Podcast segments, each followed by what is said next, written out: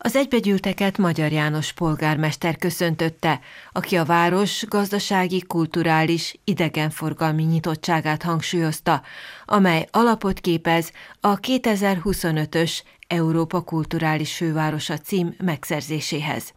Földes Gyula, Magyarország lendvai főkonzulja, Lendváról és a lendvaiakról, mint a békében és egyetértésben élő különböző nemzetek és nemzetiségek közösségéről szólt.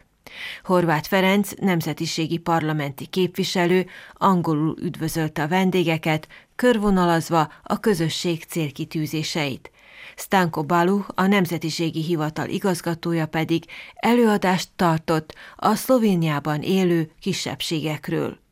Rahela Hojnik Kelenc, a Lendvai Népi Egyetem igazgatója, a szervező nevében a következőket nyilatkozta. Zagotovo je to srečanje pomembno v prvi vrsti zaradi promocije našega mesta. Ez a találkozás mindenek előtt a városunk népszerűsítése tekintetében jelentős. Lendva egy csodálatos hely, ahol nagyon sok különböző kultúra találkozik, és emiatt fontos, hogy megmutassuk vendégeinknek, hogyan működünk együtt, és mit lehet egy multikulturális közösségben megvalósítani. A projektum által hidakat építünk a fiatalabb és az idősebb nemzedék között, létrejön a kultúrák közötti párbeszéd. A fiatalokat minél nagyobb arányban szeretnénk bevonni az önkormányzat életébe, Ugyanakkor lehetőséget kínálunk fel nekik arra, hogy más városokat is megismerjenek. Nagyon gazdag a programja ennek a találkozónak. A program valóban az, csak két napig tart, ezért sűrített. A legfontosabb számomra, hogy a vendégek megtekinthetik a szlovén kultúra napja alkalmából szervezett műsort a színház és hangversenyteremben, amely, mint általában, a különböző kultúrák közötti együttműködés jegyében telik majd. Így nem csak azt láthatják, amit mi szervezünk nekik, hanem azt is, hogy mit kínál számunkra városunk.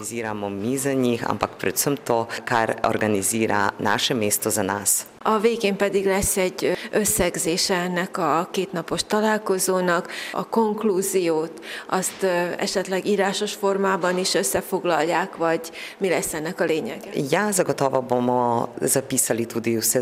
Minden bizonyal összefoglaljuk majd a benyomásokat, amelyeket a két nap során szereztek a résztvevők. A fiatalok segítenek majd ennek megfogalmazásában. Elemezzük majd, milyen lehetőségeket kínál a város a hiányosságaival ellentétben, mert lehet, hogy az ide látogatók sokkal több előnyt látnak benne. Knauer Anna projektumkoordinátor Veszprém megyei jogú város önkormányzatánál.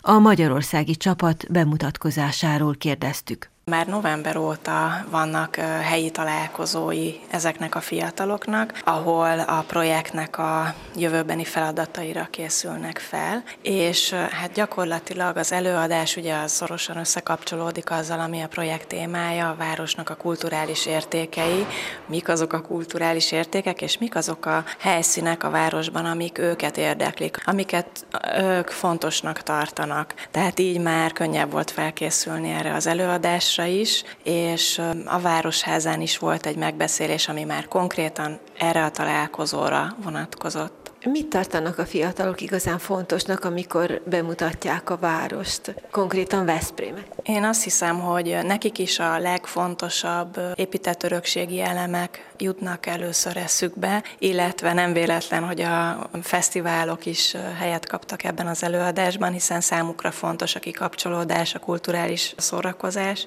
tehát ezeket mind azt hiszem fontosnak tartják bemutatni, de mindig van egy-egy olyan jellegzetes dolog is talán a városban, ami őket egyedileg érdekli, és mi szeretnénk ennek is helyet adni. Egy kedves park, egy pad, vagy egy kis kávézó, amit ők fontosnak tartanak, és amit a város arcának, amikor a város szép arcát meg akarják mutatni, akkor ezeket a kis helyeket is szeretnék. Akár egy előadásba, akár majd a projektben elkészülendő térkép oldalán felmutatni, felfűzni. Azzal indították a bemutatkozást, hogy földrajzi fekvése van ennek a városnak, közel Budapesthez, Bécshez, nincs is olyan távol Lendvától sem. Ezek a fiatalok megtalálják a maguk jövőképét ebben a városban, vagy erre a városra is jellemző az, hogy elköltöznek? Sajnos itt is küzdünk ezzel a problémával, és nem csak ez, hanem más projektek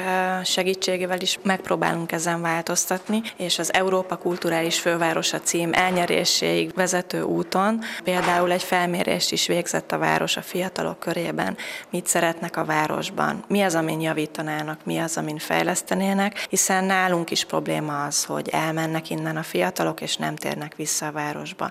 Tehát tényleg koncentrálunk arra, hogy ezen javítsunk, változtassunk. Európa kulturális fővárosa lesz 2023-ban, Veszprém, Lendva is pályázik.